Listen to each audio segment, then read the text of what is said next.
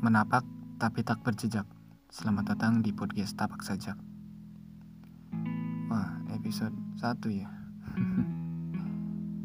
Nggak tahu sih mau ngobrol apa. Cuma saya kepikiran akhir-akhir ini nggak tahu kenapa rasanya kayak pengen menikmati hidup sendiri aja. Gak mau diganggu orang lain dan gak mau mengganggu orang lain. Gimana ya? Yang terpikir yang terpikir di pikiran saya sih gini. Apa yang menurut kita sesuai dengan yang kita butuhin ya kita ambil. Kalau enggak ya bodo amat gitu. Jadi serasa hidup ini sendiri tapi di lain sisi kita juga sedang menikmati kesendirian itu.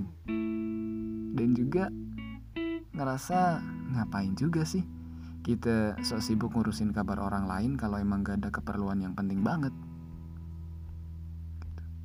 Ya mungkin dalam hal ini saya udah masuk di salah salah satu fase di mana segala sesuatu yang kita pilih itu sesuai dengan prioritas kita doang.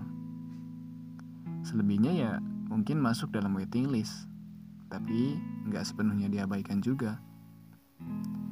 Tapi ya lebih baik begitu sih. Daripada terlalu mikirin sesuatu yang seharusnya nggak dipikirin kan ribet juga ntar. Bukannya menikmati hidup, justru meracuni pikiran.